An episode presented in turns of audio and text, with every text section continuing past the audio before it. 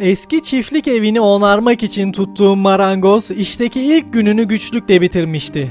Arabasının patlayan lastiği onun işe bir saat geç gelmesine neden olmuştu. Elektrikli testeresi bozulmuş ve şimdi de eski püskü arabasının motoru çalışmıyordu. Onu evine götürürken yanımda taş gibi oturuyordu. Evine vardığımızda beni ailesiyle tanışmam için içeri davet etti. Eve doğru yürürken küçük bir ağacın önünde kısa bir süre durdu ve dalların uçlarına her iki eliyle dokundu. Kapı açıldığında adam şaşırtıcı bir biçimde değişti.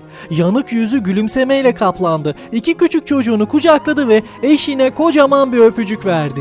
Daha sonra beni arabaya yolcu etmeye gelirken ağacın yanında durdum ve ona eve girerken ağacın dallarına niye dokunduğunu sordum. O benim dert ağacım dedi. Elimde olmadan işimde kimi zaman sorunlar çıkıyor. Ama o sorunlar eşim ve çocuklarımın değil. Bunun için işte yaşadığım sorunlarımı her akşam eve girerken o ağaca asıyorum. Sabahları yeniden onları oradan alıyorum ama komik olan ne biliyor musun? Ertesi sabah onları almaya gittiğimde astığım kadar çok olmadıklarını görüyorum ve güne daha güzel başlıyorum. Bizler de öyle yapalım değerli dinleyenler. İşte yaşamış olduğumuz sıkıntıları, sorunları, dertleri, tasaları getirip evimizde eşimize, çocuklarımıza yansıtmayalım. Dışarıda yaşamış olduğumuz sorunlar bırakın dışarıda kalsın. Evimize onları sokmayalım.